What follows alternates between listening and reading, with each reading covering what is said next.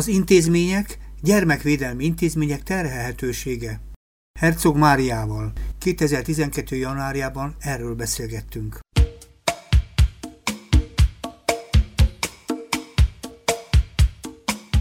Kezdjünk ekkor egy olyan komoly témát, ami tulajdonképpen az asztalon hever, mert azért a mai világ mindenki számára csikorgó, nehéz és, hogy tetszik, nehezen viselhető. Hogy viselik az intézmények? Az intézmények ebben a mai világban, főleg akik gyerekekkel és fiatalokkal foglalkoznak, feltétlenül rájuk zúdul egy csomó fiatalember története. Hogy viselik ők, milyen helyzetben vannak ők? Kezdjük ezzel, aztán meglátjuk, hogy milyen irányba haladunk. Úgy érzékelem, hogy kettős a baj. Az egyik baj az az, hogy hagyományosan is azok, akik gyerekekkel foglalkoznak intézményekben, és itt az intézményt nagyon széles értelemben értjük, azok nem kapnak kellő vértezetet ehhez a munkához. Tehát mit értesz, sem, mit értesz sem a felkészítésük a tekintetben, hogy mik a gyerekek fejlődési szükségletei, hogyan viselkednek különféle életszakaszokban, élethelyzetekben, sem arra vonatkozóan, hogy hogyan lehet ezeket a helyzeteket kezelni, amelyek előállnak. De hát persze a másik gond, amit most látunk, és ez a új közoktatási törvény kapcsán nagyon jól látszik, hogy Magyarország körülbelül egy 20-25 éves lemaradásban van a tekintetben, hogy mit gondolunk arról, hogy hogyan kell tanítani, nevelni, gondozni gyerekeket. Hát pedig azt mondja a köznevelési törvény, most már ez lett az új neve, hogy a nevelést állítjuk középpontba, és nem is talán az oktatást, Igen, tehát ilyen nevelési túltengés van. Ez benne. igaz, csak ez egy nagyon paternalista és ilyen oktrojáló ö, oktatásnevelés, nem pedig a, a, a szuverén és önálló gyereket helyezi a középpontjába, akinek különféle elképzelései vannak, véleménye van, ezt részben meghallgatjuk, részben abban uh-huh. a tekintet, olyan módon terelgethetjük őt, uh-huh. hogy elmondjuk a sajátunkat, meghallgathatja más, más gyerekekét, de, de ő maga választ az ügyben, hogy mit tart jónak és nem jónak. Na most, ami a másik nagyon nagy nehézség emellett, és ez erőteljesen felfokozza ezt az első dolgot, az az, hogy miközben van egy általános krízis a világban és Magyarországon is, most a gazdasági vonatkozásokról hát beszélnék. társadalompolitikailag is. De társadalompolitikailag is. Az intézményekre fokozottan terhelődik ez a, ez a krízis, mégpedig úgy, hogy nem csak egyre több bajban lévő gyerek és család kerül az intézmények elé, illetve hát velük való mindennapi munka nehezedik meg attól, hogy sokkal nehezebb élethelyzetek és sokkal nagyobb tömegben jelentkeznek, hanem azok, akiknek ezt el kell látni, azok a képzettségi nehézségeik mellett azzal küzdködnek, hogy ők maguk is csúsznak lefelé, uh-huh. nagyon rosszul ö, élnek, mert nagyon vacakok a fizetések, ö, nehezednek a munkafeltételek, hiszen nyilván mindenki retteg attól, hogy elveszti a munkahelyét, és ezért olyan kompromisszumokat is köt, amit nem szeretne megkötni, de muszáj, vagy úgy érzi legalábbis, hogy muszáj. A munkahelyi hangulat se nagyon jó, mert mindenki, mindenkinek a farkasává válik, ugye részben ettől az, a, az egzisztenciális félelemtől, részben meg attól, hogy igazodni próbálnak a meglehetősen gyorsan változó elvárásokhoz, illetve ki vannak szolgáltatva a fenntartónak, vagy a saját munkai vezetőjüknek. De ahogy mondtad, érdekes volt itt, azt mondtad, hogy egyre több, egyre többen terhelődnek rá az intézményre, Igen. meg az intézmény lakóknak is, vagy dolgozóknak is egyre nagyobb a terhe. Igen. De egyszer múltkor beszélgettem, nem is tudom kikkel, akik azt mondták, hogy egyre többen maradnak ki magába az intézményrendszerből, hát tehát nem csak az a gond, hogy, hogy belül nagyon nehéz megvalósítani egy bármi típusú javító fejlesztő korrekciós folyamatot, hanem ráterhelődik kívülről is az a kopogtatók hada. Hát Na most ez ugye, hogy miközben a megszorítások, és ez uh-huh. nem mhm. csak magyar jelenség, tehát ezt európai szinten is próbáljuk, hát legalábbis jelezni az Európai Bizottságnak, és az EU-ban vannak törekvések arra, hogy, hogy ez láthatóbbá váljék, uh-huh. hogy miközben a, a, a, egy elhúzódó társadalmi-gazdasági krízissel uh-huh. küzdködünk, ezen közben a megszorítások elsősorban éppen azt az intézményrendszert illetik, a szociálisat, az oktatásit, az egészségügyit, a kulturális, ahol a legnagyobb ö, további erőfeszítéseket kellene tenni uh-huh. annak érdekében, hogy a krízis átvészelhető, elviselhető legyen, illetve hogy ne csúszanak ki a rendszerből gyerekek és családok, hanem őket valahogy meg tudja tartani. Ez, ez így van, de ezt nem egy költségvetésben dolgozó mondja, aki a hatatlan mindig ebből vonja ki a forrást, azt mondja, hogy itt van szabad lehetőség, innen kell elvenni. De soha nem csinál hatásvizsgálatot, hogy ez uh-huh. hogyan hat. Tehát, hogyha mondjuk megnézem, a, akár például, ha csak az iskolának a, a bizonyos ö, funkcióváltásait nézem, uh-huh. ö, hogy mi történik délután a gyerekekkel. Nagyon érdekes például, hogy Európában az utóbbi években nagyon erőteljes hangsúly helyeződött a kora gyerekkori nevelésre, és elsősorban a női munkavállalás erősítése okán. Mi ez a korai gyerekkori? Az ez a nulla, hát nullától iskola kezdésig. Uh-huh. Uh-huh. Ugye a napközbeni ellátásoknak a, a szélesítését nagyon szorgalmazza az EU és nagyon sok évi munkájába telt sokaknak, köztük nekem is, és nagyon büszke vagyok arra, hogy ebben részt vehettem, hogy meggyőzzük arról az Európai Bizottságot, hogy ez nem foglalkoztatáspolitikai kérdés. Magyarán, hogy nem tár, tárhelyet kell biztosítani a gyerekeknek, ahol be lehet őket rakni reggelent egy csomagot, és aztán délután fölvenni őket, hanem hogyha nem minőségi ez a napközbeni ellátás, akkor mint intézmény, akkor a gyerekek nagyon súlyos ártalmakat szenvednek el, és ami legalább ennyire fontos, akik egyébként is hátrányos helyzetből indulnak, azok további hátrányokat szereznek, ahelyett, hogy bepótolhatnák ezeket, vagy hát le tudhatnák ezeket a hátrányokat, mire iskolába mennek. Uh-huh. És ezt sikerült elérni. Tehát ez egy nagyon-nagyon fontos dolog. De ugyanakkor jól látható, hogy számomra egyébként érthetetlen módon az a kérdés, hogy mi történik például a kisiskolásokkal, vagy az iskola, általános iskolásokkal, iskola után. Uh-huh. Ez a dolog nem került még be az érdeklődés homlok terében, ahol nyilvánvaló, hogy az a, az a család, ahol szerencsések, és mind a két fél dolgozik teljes állásban, uh-huh. ott a 6 és 14 éves kor közöttieknek ugyanúgy kell délutáni elfoglaltságot biztosítani, megint többes céllal. Egyfelől azért, mert nem kódoroghatnak egyedül, meg nem is, hát veszélyes is volna, hogy egyedül legyenek, különösen a kisebbek. Másodszorban pedig, mert ezt neked nem kell mondanom, hiszen ezt, ehhez te sokkal jobban értesz, mint én. Ez az a korosztály, ahol csodákat lehet azzal művelni, hogy a szabadidő felhasználásában mindazokat a dolgokat kompenzálni lehet, amire az iskola meg a család nem tud figyelni, illetve meg, megelőzni a későbbi bajokat, bűnelkövető vállás, függőségek kialakulását, és így tovább. És hát igen, mert nem igazán fedezzük hogy ez egy tanulási terep. Tehát a gyerekek Pontosan. számára nem az iskola és a család a kizárólagos tanulás, Sőt. hanem leginkább az a társas mező, amiben éppen aktásan megfordulnak. Tehát itt a napközbeni ellátás legalább annyira szocializál, mint amennyire az utcán való közlekedés hát is. abszolút. És ugye itt vannak mm. olyan, olyan dolgok, amikre nem nagyon gondolnak, pedig ez egy nagyon izgalmas dolog, az idős struktúrálása, uh-huh. az, mhm. hogy értelmes elfoglaltságot tanál magadnak, mert ugye engem az mindig elképeszt, hogy hogy elsősorban arra törekszenek mondjuk, hogy az interneten a veszélyes tartalmakhoz a gyerekek ne férjenek hozzá. De arra nem gondolnak, hogyha egy gyerek jól van, és érde, elég izgalmas a világ, és sokféle jó dolgot tanult, és elég védőfaktor épül be az érzelmi biztonság, az intellektuális érdeklődés, a mozgás és itt tovább kapcsán, akkor ő nem fog hogy úgy bedőlni ezeknek a tartalmaknak. Világos. Lehet, hogy megnézi, de elmegy onnan, mert nem érdekes a számára. Hát az, azt vonza ez, aki egyébként is kiszolgáltatott. Tehát, hogy miért nem egy ilyen pozitív megerősítésben gondolkodunk? Hát igen, meg sok-sok inger felvétel összehasonlítva uh-huh. teheti a dolgokat. Pontosan. Tehát a mintákban, példákban Pontosan. és egyebekben. Így van, és hogyha össze tudjuk hasonlítani, akkor is tanulunk, hogyha azzal nem élünk, és igen. nagyon nagy szükség van, hogy legyen alternatíva. De azt mondod, hogy intézmények. Az intézmények rosszul viselik ebben uh-huh. az értelemben a dolgot, de intézmények vannak, és az intézményeknek eredetileg az a funkciója, hogy korrigáljanak, hogyha úgy tetszik azokat a hibákat, vagy szocializációs terheket, amennyire átvállalják. De ezt nem vállalják, nem is látják uh-huh. így. Tehát az nagyon hogy érdekes látják? például az iskoláknál, uh-huh. de akár még gyerekotthonoknál is, ezt látom, ennek klasszikus példája például, amikor erőszak történik, valamilyen erőszakos cselekmény, vagy valami balhé van az iskolában.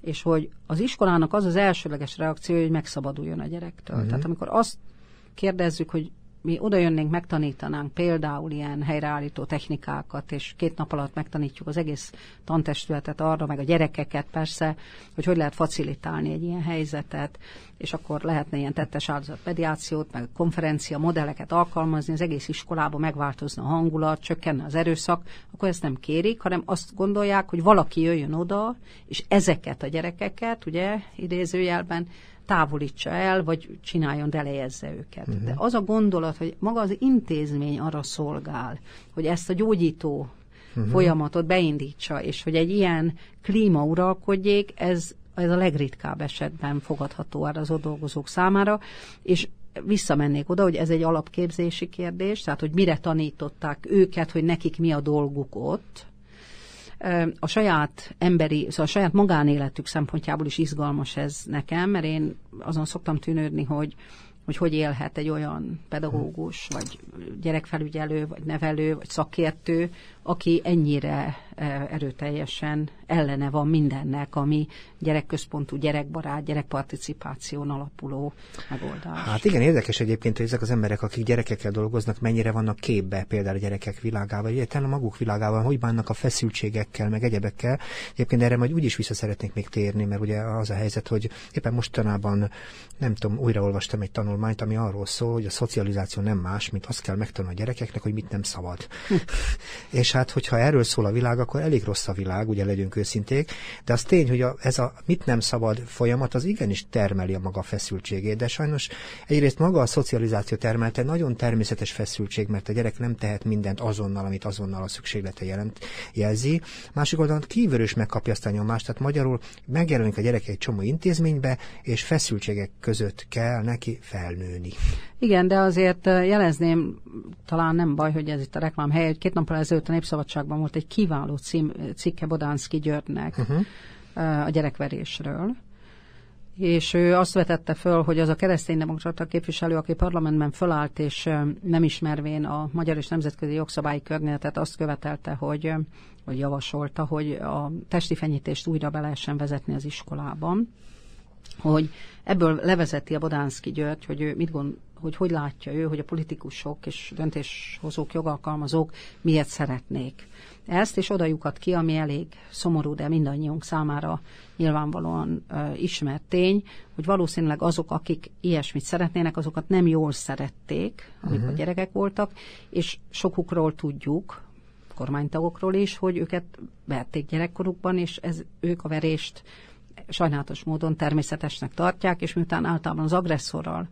azonosulnak az ilyen gyerekkori áll, van el, el, bántalmazást elszenvedettek, ezért ők most ezt, hogy úgy mondjam, kiterjesztik akkor a, az egész országra. Hát ami borzasztó, mert ez egy olyan áttétel ebben az egész történetben, ami pont ellenkező irányba hat. Ez így van. És ugye amikor az előbb elkezdtünk arról beszélni, hogy, hogy intézményrendszer és az iskola ugye a köznevelési törvény, közoktatási törvény átalakult, akkor ugye valószínűleg az alapgondolat nem annyira rossz, ugye, hogy, hogy itt az iskolába kéne egy kicsit többet segíteni a gyerekeknek, eddig jó. Hogy abból mi lett, azt meg majd meglátjuk, mert ugye nem nagyon tudjuk. Nem lehet tudni. Nem lehet tudni, de azt tuti, hogy ebben az értelemben azért az iskolákban megjelenő feszültségekkel, konfliktusokkal, az adott helyzettel kellene valamit bánni. És azt mondtad, hogy az ott dolgozók, mondjuk az iskoláról beszéltünk, de beszéltünk más gyerekintézményről is, tulajdonképpen azzal vannak megverve, hogy a benne dolgozók is naponta feszültségekkel és egzisztenciális terhekkel mennek. És be. nincs kanalizálás, tehát Így nincs van. szupervízió, uh-huh. nincs módja ezt kibeszélni, ráadásul én azt érzékelem, hogy nagyon sokan a a kollégák közül attól is rettegnek, hogy, hogy amit nem tudnak, vagy amiben bizonytalanok, azt megkérdezzék, mert attól félnek, hogy nekik omnipotensnek kellene lenniük, mindent tudniuk kellene, és nem lenne lehessenek kérdéseik. Meg, Ez katasztrofális. Megelőzted az én kérdésemet, hogy hogy értékelik az ilyen emberek munkáját. Mert hát ugye... az a baj, hogy nincs értékelés, uh-huh. és ami, ami az izgalmas Magyarországon, hogy a gyerekértékelés az nem került be a gondolkodásba. Tehát az a, egyébként magától értetődő kérdés, hogy a gyerekek, meg a szülők értékeljék például a tanárokat, ami nagyon jó lenne, mert így is mindenki tudja pontosan egy tantestületben, vagy iskolában, hogy ki a jó tanár, ki nem, uh-huh. ki jó ember, ki nem, de ezt nem szabad kimondani, uh-huh. mert ez olyan, mint a fehér elefánt, és egyébként is a pedagógus retteg attól, hogy visszajelzést kapjon a gyerektől, meg a szülőtől, és az a képzetük is van sokaknak, hogy ez nem volna objektív. Holott szerintem egy osztály értékelésénél nincsen objektívebb dolog. Meg olyan, hogy objektív nincs is. Tehát Notabene nem, az a, nem azt a tanárt szeretik a gyerekek a legjobban, aki, aki engedékeny és, és negligens, hanem azt szeretik, aki szigorú és igazságos, ugye, mint tudjuk a viccből is. Hát ez az. De egyébként ez borzasztó szerepzavarokról is szól, meg egy csomó félreértésről is szól. Én azt gondolom, hogy ilyen szempontból ezek sokszor szakmai kérdések is. Az elmúlt években sokszor megjelent az, hogy különböző agressziók jelentek meg az iskolába, de gondolom ez már egy kicsit lerágott csont is úgy tűnik, hogy ezek jelentős, ezek komoly szakmai kérdésekről szól. Abszolút. Hogy, ez nem a gyerekekről szól, ez a felnőttekről Így szól. van. Hisz a gyerekek valamilyen módon leutánozzák, visszajelzik, vissza, vissza, visszaköszönt, visszamutatják azt, amit naponta megélnek, úton, útfélen, menet közben is. Igen, volt korábban egy tanulmány, azt olvastam éppen, hogy a gyerekek milyen jól tudják leírni a konfliktusokat, és milyen mm. rosszul tudják levezetni a konfliktusokat, ami ugyancsak otthoni mintákra is szülői hát abszolút, és ezért volna mm. szerintem létkérdés, hogy már óvodától tanítsunk erőszakmentes kommunikációt és konfliktuskezelést, mert akkor belenőnének a gyerekek ebbe, és visszahat, mert a, a gyerekeknek az ilyetén kultúrája az visszahat otthon is, meg az iskolai légkörre is. Ha ők így működnek, akkor lehet, hogy a felnőttek is tudnának így működni.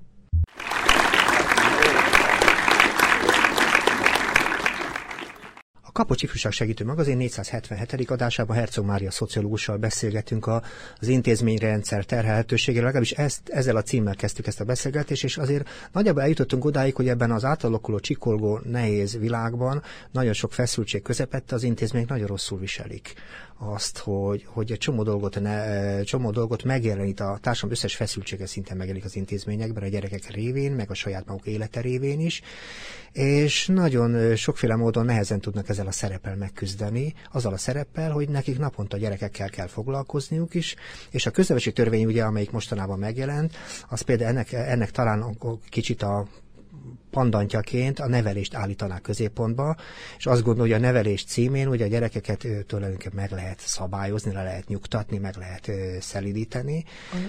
Azt mondta az államtitkár asszony, hogy a jó magaviseletű gyerek az a magyar nevelésnek a célja. Hát nem csak a célja, hanem az az etalon. Uh-huh. Jó mhm. magaviseletű fegyelm, jól viselkedő gyerek, jó magaviseletű gyerek. Uh-huh. Én két dologra reflektálnék itt a közoktatási törvényből, ami nekem elég ijesztőnek látszik. Az egyik ugye, hogy a három éves kori kötelező óvodáztatás. Ez első pillantásra egy Három nagyon... éves kori kötelező óvodászt, igen, óvodáztatás? igen, tehát óvodába be kell iratni minden három éves gyereket kötelezően. Uh-huh. Tehát tankötelezettség jelent ez három éves kortól. Most ez azért egy nagyon-nagyon ö, ö, hát ingoványos terület, Bocsánat, mert... csak a hallgatóknak szeretném mondani, eddig nem volt kötelező az nem, óvoda se. Csak öt éves kortól éves... egy iskola előkészítő így év. Van, így van. Na most ugye a, abszolút tisztességes a gondolat, az vezérelte a jogalkotót, meggyőződésem szerint, hogy a hátrányosan, hátrányos helyzetű gyerekek, különösen halmozottan hátrányos helyzetű gyerekek esetében tudjuk mindenféle nemzetközi kutatásból, sajnos magyar kutatás sose készül, de nemzetközi kutatások, már úgy értem, hogy ilyen nagy átfogó kutatás, tudjuk, hogy az óvodáztatás, vagy a kora gyerekkori napközbeni ellátás, inkább ezt mondanám, tehát a nullától iskolás korig tartó ellátásban ha az nagyon magas minőségű, vagy jó minőségű, és kellően uh-huh. szenzitív, ez azt jelenti, hogy nincs nagyon sok gyerek egy csoportban, egy felnőtt, szakképzett gondozóval, óvónővel, vagy más nevelővel, illetve hogyha az otthoni körülmények azok ugyan nem kedvezőek, de a szülői érzékenység elég nagy arra, hogy amikor a gyerek egy ilyen nagyon zsúfolt nap után kijön ebből a gyerekintézményből, akkor tudjanak a gyerekre privát időt szentelni, 15-20 percet is, hogy elmondhassa, hogy mi volt benne a feszültség, kijöhessen belőle, akkor a gyerekek nem csak, hogy szárnyakat kapnak, hanem valójában teljesen eltűnhetnek a hátrányok, és az iskola se tudja őket elrontani. Ez nagyon érdekes. Uh-huh. Egy egy Edward Milhus nevű angol professzor, aki az angol biztos kezdett programnak egy tíz éves értékelését végezte, ő mutatja ezt ki, hogy a jó másfél-két éves iskola előtti óvodai, vagy hát ilyen, ott ugye iskola megelőző program, az annyira megerősíti, annyira ellenálló képessé teszi a gyereket, hogy még a kevésbé jó iskola se rongál rajta nagyon sokat. Uh-huh. Ez szerintem elég izgalmas és fontos. Nagyon. Uh-huh. Tehát akik ezt a három éves kori óvodába járást elő akarják most írni, azok nyilvánvalóan arra gondoltak, hogy ezzel jót tesznek, mert azok a gyerekek, akik három éves korban bekerülnek az oviba, azok majd hat éves korukra már iskola éretten és örömmel fognak iskolába kerülni. Csak hogy az a probléma, ugye, hogy részben Magyarországon nem tudunk arról semmit, hogy milyen színvonal az óvodai ellátás. Vannak mítoszok, amik szerintem remekül működik, biztos más dolgokhoz képest remekül, de hihetetlen egyenetlen Így van. az óvoda működése is, és talán nem nagyon merész feltételezés, de Havas Gábornak vannak erre kutatásai, és ugye jó lenne sokkal több vizsgálat erről, mert nagyon fontos van, hogy pontosan tudjuk, de azért tapasztalásból is lehet tudni, hogy épp azokon a környékeken, vidékeken, ahol a legnagyobb szükség volna nagyon jó színvonalú óvodai ellátásra, ott az óvodák túlzsúfoltak nincsenek, illetve az ott dolgozók nem feltétlenül a legjobban képzettek, és a leginkább odaadóan tudnak, tudják elfogadni a helyi körülményeket, Igen, és a felszereltség se nagyon jó. Tehát a képzésben is így van. Sajnos az óvonő, vagy óvodai képzés az tulajdonképpen nem is igazán olyan rangú, mint a tanító így van, képzés. Sajnos nem. Miközben sajnos hát nem. hihetetlen sokat ők, kell tudni. Ő rajtuk múlik minden. Így Tehát én biztos, hogyha abban a helyzetben lennék, amiben sose leszek, hogy döntéseket hozzak erről, mondjuk komoly szakpolitikai döntéseket, akkor a, a védőnői és a kisgyerekkori ellátók szakemberek képzését szervezném a lehető legmagasabb szintűre, Igen. és nagyon-nagyon magas anyagi megbecsültséget adnék. Egyébként az EU-ban folyik is erről egy komoly vita, mert hiszen az a kérdés, hogy miért ezekben a szakmákban, ezekben a segítő szakmákban miért kizárólag nők dolgoznak, és ez nagyon egyszerűen megválaszolható, azért mert alacsony a presztízse és nagyon vacakul fizetett. Igen. Ha megemelnék mondjuk egyetemi szintűre, ami még mindig nagyon-nagyon sok, az egyetemi fizetések azok is elég galádak, de ha megemelnék ezeket a botrányosan alacsony a minimálbérhez közelítő ö, béreket, és a presztízse nőne a szakmának, akkor rögtön lennének férfiak is ott, és persze nyilván, hogyha a képzés olyan lenne, hogy a hogy a tanító jobban képzett kellene, hogy legyen bizonyos értelemben, mint mondjuk én egyetemi oktatóként, mert én még ezt mondom, hogy én készen kapom a hallgatókat, gyerekeket, már most persze ők uh-huh. hivatalosan nem gyerekek, de nekem mégis annak tűnnek sokszor. Tehát az, hogy ő motivált, vagy nem, persze múlik azon, hogy én mennyire vagyok izgalmas és vonzó abban, amit előadok szakmailag, mennyire vagyok meggyőző és, és hívogató, de az igazi dolog az eldől az első hat évben. Tehát az a kérdés, hogy ő nyitott lesz-e, adaptív lesz-e, kreatív lesz-e, akar-e tudni, motivált lesz-e, ez az első években eldőlt, tehát én már csak a végjátéknál vagyok ott, hogy úgy mondjam, és nyilvánvalóan az egyetemre ráadásul elméletileg legalábbis motivált hallgatók kerülnek, már ennek az elmúlt években nem sok jelét. Abszolút egyetértek veled is, mondjuk a három éves kor is sok esetben már néha késő. Szomorívával Abszolút. pont erről beszélgettünk, hogy Magyarországon van egy ilyen közszokás, ugye a gyerek, mivel nem tud visszabeszélni, nem beszélünk hozzá, Az és nagyon pici korban már nagyon fontos lenne a mamáknak tudni, hogy a gyereknek az, hogy ha mondatokat, szavakat, hogy tetszik, beszélgetést hallgat, az hihetetlen fontos Hát az ezért kezdtük el a biztos kezdet programot, ugye Magyarországon, ami most uh-huh. hát eh, egy érdekes irányt vett, de azért mondanék egy adatot a hallgatóknak, ami megrendítő adat. Igen. Hogy az amerikaiak egy nagyon izgalmas, de hihetetlen munkás kutatást csináltak, beültek családokba hosszú hónapokra, és mindenféle státuszú és iskolai végzettségű jövedelmi családokba, ahol ilyen kicsi gyerekek voltak, Világos. 0-5 évesek, és mérték, hogy hány szót Tudnak. tudnak a gyerekek. És azt találták, hogy a középosztálybeli gyerekek 5 éves korukra háromszor annyi szót és Persze. kifejezést használnak, mint a ha- halmozott hátrányos helyzetűek. Ez azt is jelenti, hogy mire iskolába kerül az a gyerek, addigra nem ugye, amit számunk kérnek rajta, hogy ő nem akar tanulni, nem motivált, az abból is adódik, hogy a felét legalább nem érti annak, ami ott elhangzik. Nyilvánvalóan behozhatatlannak tűnő hátrányai vannak, és azokat a készségeit, amik adott esetben lehet, hogy nagyon jók, a mozgása, a kézügyessége, hogy szépen énekel, ezeket egy klasszikus iskolában nem nagyon értékelik, mert azt értékelik, hogy mikorra tudja az ABC-t, és tud, át tudja lépni a tízes számkör. Na most ez ugye nyilvánvaló. Az egyéb skilleket, az pedig hát ugye csak ilyen kisegítő jegyként adják, nem igazán izgalmas hmm. egyáltalán. Pedig érdekeset mondasz, én például munkámban nagyon sokat használok óvodapedagógiai módszereket, az, azért például kezdeményezést, hogy más nem mondjak, aminél szerintem alkalmasabb foglalkozás kezdeményezés nincs is, mert én szerintem a délután gyerek kiszabadul az iskolából, van egyébként egy ilyen közfelfogásom, hogy délután jól fog viselkedni a szakkörbe, meg egyebeket szoktak mondani, és a pályázatok is sokszor ilyen strukturált eh, programokat várnak el. Én ezt sose szoktam tudni megvalósítani, de egy-két ilyen módszerre, mint az óvodapedagógiában használt kezdeményezés, el lehet kezdeni bármit a gyerekekkel, mert abban mindig személyesség van, abban egy kibontakozó, hogy tetszik, varázs szőnyegre felültethető lehetőség van a gyerekek számára, lehet repülni, lehet bárhol eljutni. Igen. De ezt nem ismerik. Biztos, hogy így van, és amit mondtál, az is nagyon fontos, hogy persze a három éves kor az abban az értelemben későn van, hogy hihetetlen energiákat kéne abba fektetnünk, hogy a várandósok, uh-huh. tehát a jövendőbeli szülők, azok értsék a gyerekeknek a fejlődési szükségleteit, ismerjék a gyerekfejlődési stációkat. Ezek nem nagyon komplikált fejlődés érteni dolgok, de ezek, amiket mondtál, hogy, uh-huh. hogy miért kell beszélni egy gyerekhez, hogy miért nagyon fontos a testi kontaktus, tehát hogy miért kell őt ölben tartani, hogy miért kell reflektálni, hogyha sír, tehát uh-huh. miért kell megérteni, hogy Persze. a sír.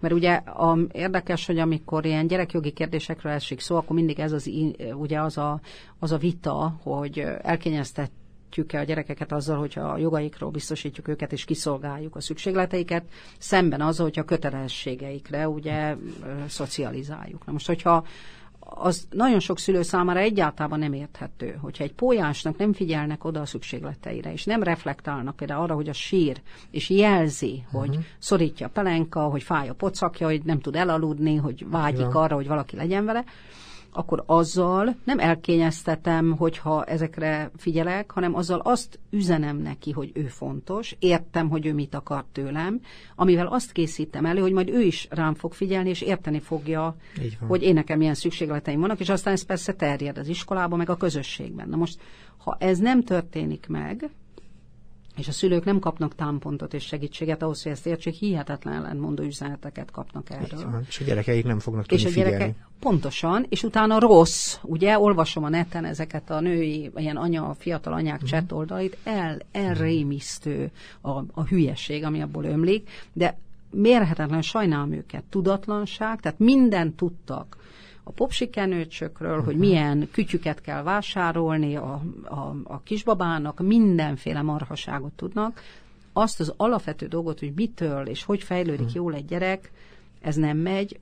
Nagyon szeretném hangsúlyozni, hogy például a szoptatásról, ugye nagyon kevés szó esik, hogy annak milyen hihetetlen jelentősége Igen. van az anya-gyerek kapcsolatban, az egymásra való figyelésben, tehát nem csak maga a táplálás, ami szintén nagyon fontos, mert azt nagyon kevesen érték a, sajnos a fiatal anyák közül, hogy a gyerekek annyira fejletlen emésztőrendszerrel születnek, hogyha nem kapnak anyatejet, illetve nem anyatejet kapnak kizárólagosan legalább hat hónapig, akkor például a későbbi allergiákat beépítik a gyerek életébe. Igen, csak ez divattá is lehetne tenni. Egy, egy kép, jut, az, kép jut eszembe, nyáron láttam a következő. Azt hittem, hogy egy kismama ül a padon, és SMS-ezik, mert ugye előre hajolt, és beszélt, vagy mit tudom én, telefonált. Az kiderült, Szoptató. hogy a pocakjához beszélt. Ja, pocak, a saját pocakjához. És, és most Na jó, a... csak ugye itt a, a szoptatásnál is az a mhm. probléma, hogy például a nőknek nem azt a, ugye a, félnek a nők, hogy a, hogy a mellük nem lesz elég szép a szoptatástól, miközben azt például nem kommunikálják, pedig ez nagyon fontos volna, hogy aki hossz, minél hosszabban szoptat valaki, minél több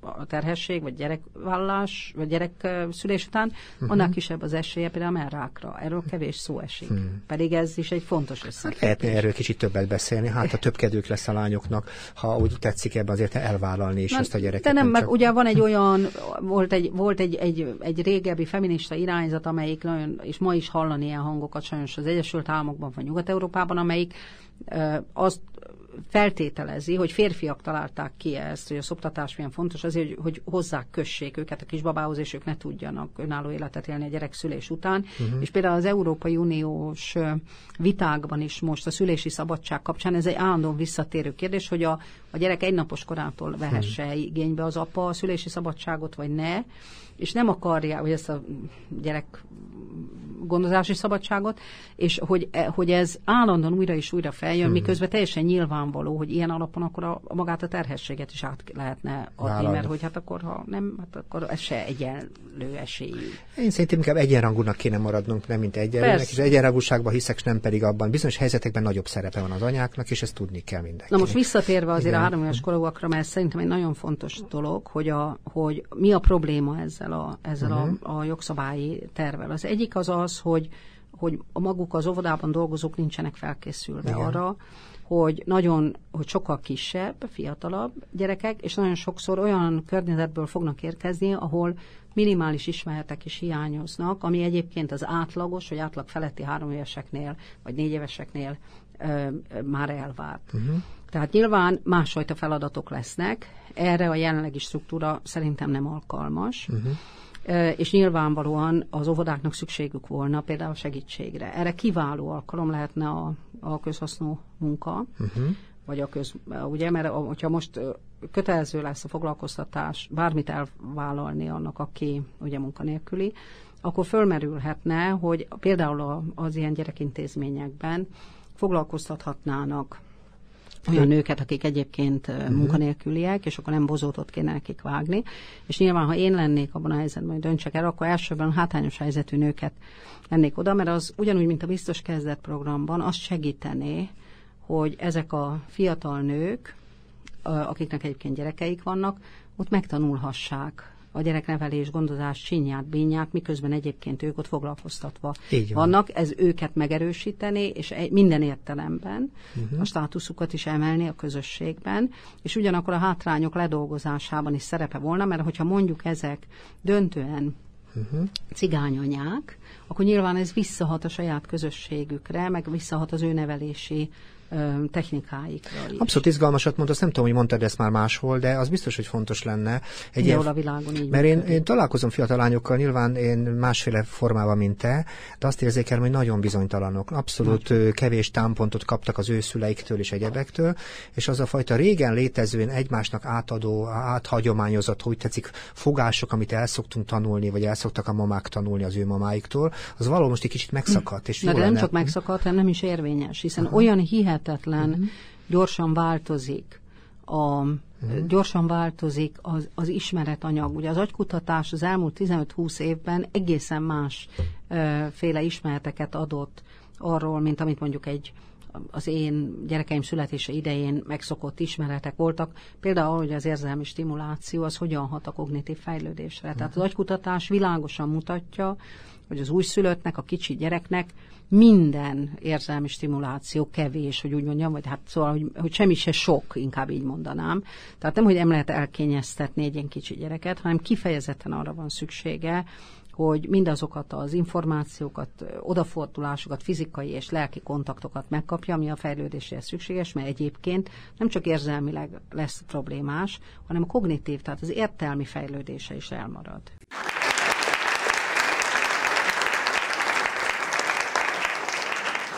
Kapocs Ifjúság Segítő Magazin 477. adásában Herzog Mária szociológussal beszélgettünk az intézmény terhelhetőségéről is, és tulajdonképpen ez egy nagyon-nagyon széles pálya, sokféle dologról lehetne beszélgetni, és ugye nem csak az intézményekben megjelő többletfeszültségről beszéltek, hanem arról is, hogy mennyire fontos nagyon korán időben odafigyelni azokra a gyerekekre, és ez szerintem a, a mostani kor történetétől független létező és hangsúlyozni való kérdés szerintem legalábbis, hogy nagyon korán nagyon sok segítségre van szükség a gyerekeknek, és a gyerekeket körülbelül ember embereknek, szülőknek és a szakembereknek arra, hogy az a kezdet, ami most nem csak biztos kezdet programban, hanem egyébként is szükséges lenne, az jól indítsa el a gyerekeket, fiatalokat, mert aztán később mindent lehet a gyerekekről mondani, de tulajdonképpen a hiba nem ott kezdődik, sokkal korábban kezdődik, ott kezdődik, hogy megkapja a gyerek a kellő figyelmet, a kellő visszajelzést, a kellő rezonanciát, ami ebben az értelme a gyereknél már az első szavaknál feltétlen fontos.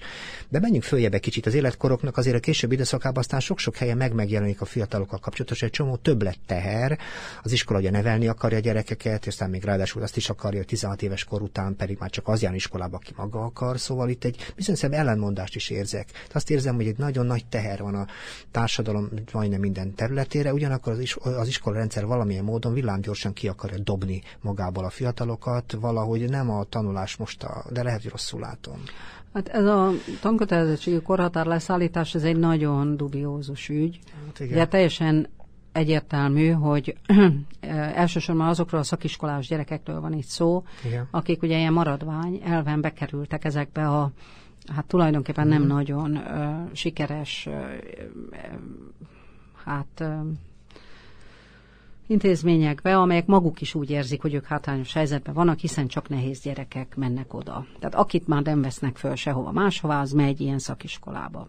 És mag, az ott tanító tanárok maguk is úgy gondolták, nagyon sokan, hogy le kéne szállítani a korhatárt, mert hiszen a gyerekek nem motiváltak, és nem akarnak tanulni, és mindenféle dolgot megragadnak annak érdekében, hogy ne kelljen tanulniuk. Na most az a felvetés, hogy megint, miért nem a legjobb tanárok tanítanak azokban uh-huh. az mhm. iskolákban, ahol a legnehezebb gyerekek vannak, ez azt gondolom értelemszerűen föl kellene, hogy vetődjék.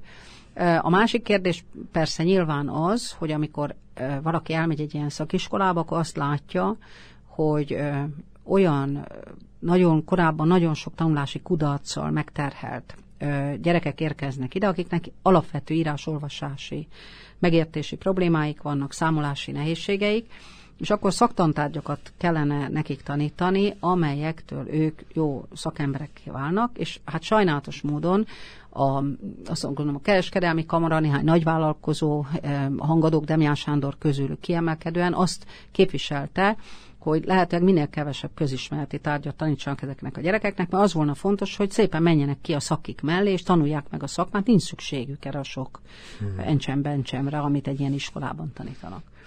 Na most teljesen meg, számomra elképesztő, hogy hogy sikerült meggyőzni a jogalkotókat erről, miközben azt lehetett látni, hogy valóban ezek a gyerekek nagyon-nagyon sokszor nagyon sikertelenek voltak történelem, meg földöz, meg számtalan vagy matematika órán, ugyanakkor hihetetlen sikeresek a szakmai gyakorlaton és a technikai ügyekben, mert jó a kézügyességük, mert érdekli uh-huh. őket mondjuk az, amivel majd később foglalkozni fognak. Csak egy dologra nem gondoltak ezek a nagyszerű emberek, akik majd őket alkalmazni szeretnék, hogy az igaz, hogy a Mohácsi csata év számára nincs szükség a gyerekeknek, és én nem is tartom ezt normális ötletnek, hogy harmadszor megpróbálják nekik sikertelenül majd ebben az iskolatípusban is megtanítani.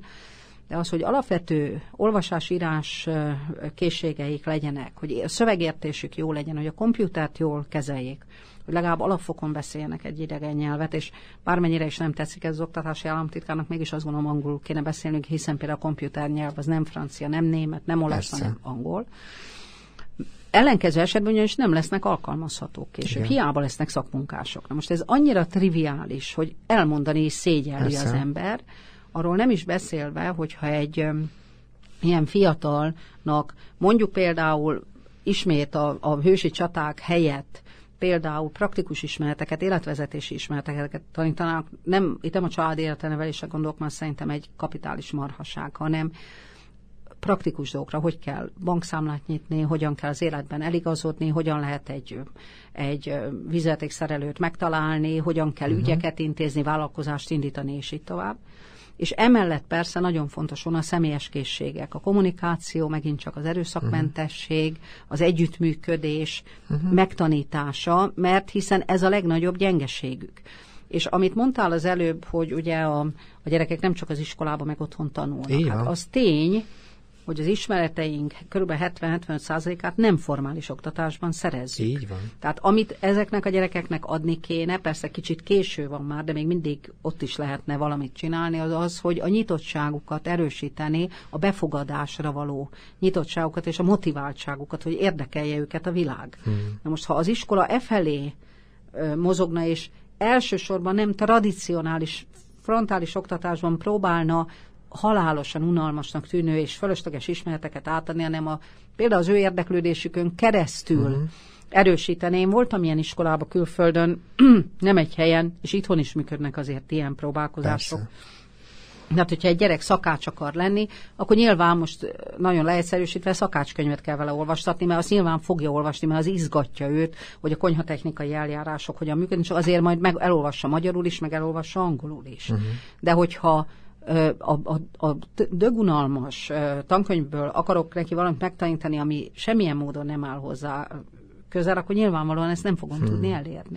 Egyébként itt alapvető iskolai funkciós zavarok vannak, tehát itt azért azt gondolom, hogy ha az iskola azt felfedezné, hogy egy harmadik szocializációs terep, ugye, ahogy tetszik, az iskolán és a családon kívül is foglaljuk össze mindent, ez feladat ad az iskolának, mégpedig azt, hogy azokat a tapasztalatokat segíteni kéne strukturálni, amit máshonnan szerez. Tehát ami azt is jelenti, hogy ma az ismeretszerzésnek nem az elsődleges terepe az iskola, hanem inkább az lenne az igazi szerepe, hogy hogyan lehet rendezni a tapasztalatokat, össze összerendezni a saját törekvéseket. Nekem az a motiváció is egy kicsit zavaros fogalom, mert azt kérjük hát, számolni. Izgatott? Hát érdekel-e? Hát, hogy akarod-e? Hogy, hogy van-e benned például a tevékenység iránti uh-huh. vágy? Na most, hogyha ezt kiölik valakiből, uh-huh. de ugye, amit mondasz, abban az a nehézség, és itt, itt visszatérnek el az intézményi dologra, hogy azok a pedagógusok, uh-huh.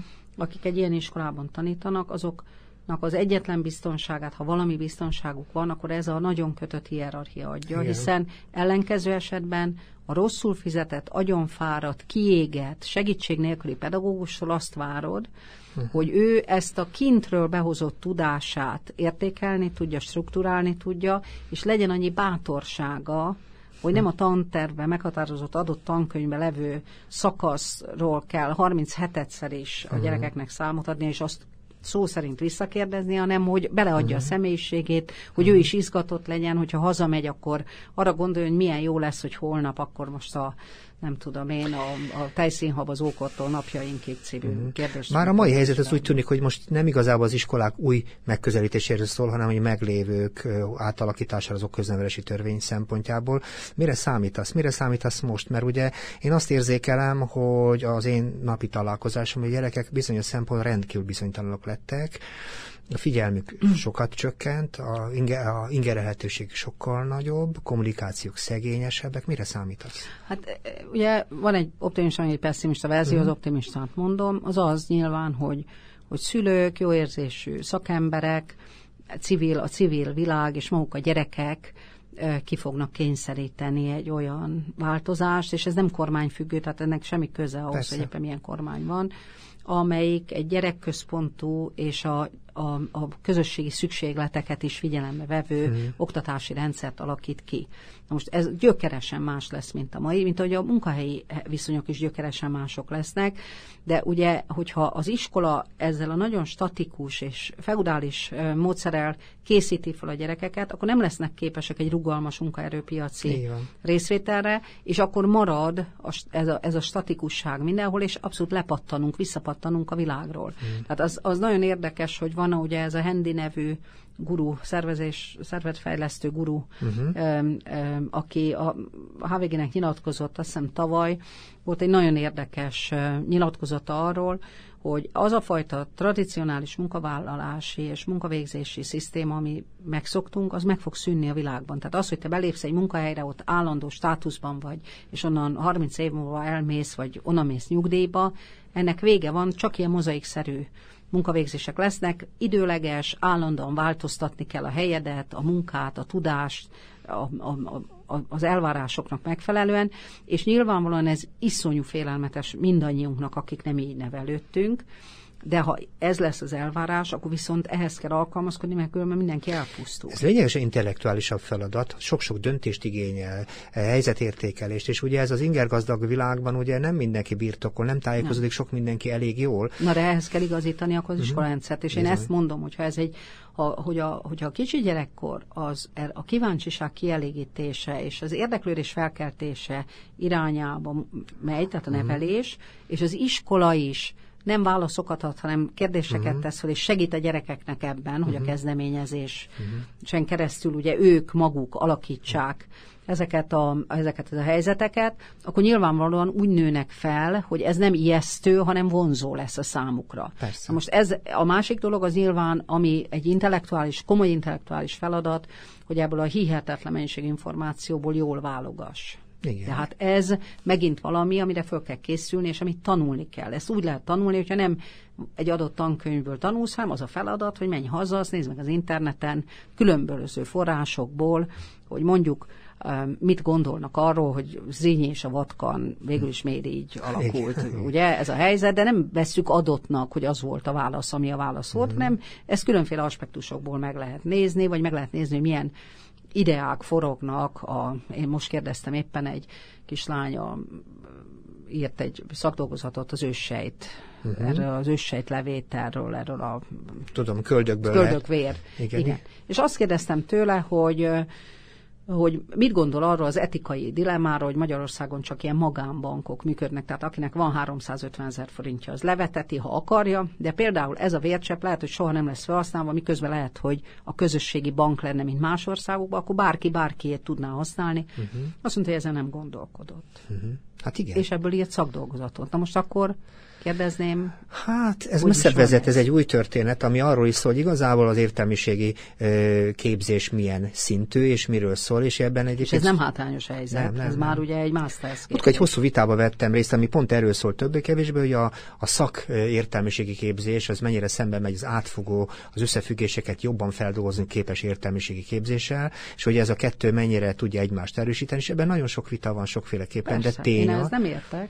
De tény az, hogy az az ember, aki felnő, annak meg kell tanulni a saját életében a saját magáról rendelkezni. Az el kell tudni igazodni, kell tudnia jól tájékozódni. De ez nagyon veszélyes a politikának, ezért ezt nem erőltetik. Hát igen, meg fel kell tudni eh, dolgozni azokat az indulatokat, ami viszont a politikának is meg kell tanulnia feldolgozni, mert minden kifejezett eh, érdek, minden megfogalmazott mondat, az mindig szembe megy az indulattal, és minden ki nem mondott mondat, az bizony indulatokat képez. Úgyhogy amikor gyerekekről beszélünk, és azt mondjuk, hogy segíteni kell nekik jól felnőni, akkor arról szól, hogy igenis meg kell tanulniuk megfogalmaztatni az érdekeiket, mert ha nem, akkor az az indulat, ami a gyerekekbe képződik, az csak rossz gyerekeket csinál az iskolapadban, a televízióban is mindenhová. De, de ez akkor... azt feltétlenül mm-hmm. felnőtt is képes változni, hát, és én... odafigyelni a gyerekre. Már pedig azt gondolom, hogy Magyarországon az egyik nagy hiányosság az az, hogy hogy a gyerekek hangja az nem nagyon, egyáltalán nem hallható, hmm. és az a feladat, hogy a gyerekeket minden kérdésben, ami őket illeti, kérdezzük meg, ez inkább felháborodást vált ki, sem mint kíváncsiság. Uh-huh. Éppen valakivel beszélgettem, hogy rákere, rákerestek ezekre a törvényekre, csomó sarkalatos törvény van, meg most alaptörvény is változott, és csak a Word szövegszerkesztővel keresték azt a szót, hogy ifjúság, vagy ennek a szinonimáját. Nem sikerült. Nem nagyon lehet ezeket nem, a szavakat. Hát a gyerek is csak a család szemefényeként jelenik. Pedig ugye a változás a jövőről szólna, és a jövő főszereplője pont az a tizenéves ember, aki később ugye átveszi majd a botot, ki így, ki úgy a kormánybotot, vagy az irányítást maga módja. Tehát ezt mondom, hogy itt ebben egy hosszabb távú gondolkodás hiányáról is lehet beszélni, ami szerintem nem biztos, hogy mindig biztató, bár a gyerekek mindig is jók voltak. Nem tudom, hogy sok mindent kérdés itt most azért nem beszéltünk át, nagyon így, így alakult a beszélgetésünk. Én azt gondolom, hogy ezért nagyon szépen köszönöm, mert nagyon izgalmas volt. És hogy nem beszéltük egy csomó dologról, az azért van, mert hogy annyira nagy a készlet, és szerintem egy csomó dolog, amiről nem beszéltünk, az talán azért is, mert nagyon eleven ebben a pillanatban, és abban azt is jelenti, hogy percek alatt mást mondanánk, hogyha hirtelen az a bekövetkezett változás, és így vagy úgy alakítja a dolgokat. De szerintem kéne nekünk még beszélgetni, hogyha... Szívesen. Én nagyon szépen köszönöm, élvezetes volt, remélem a hallgatóknak is. Elbúcsúzunk akkor is, viszont hallásra a következő adásban. Viszont hallás.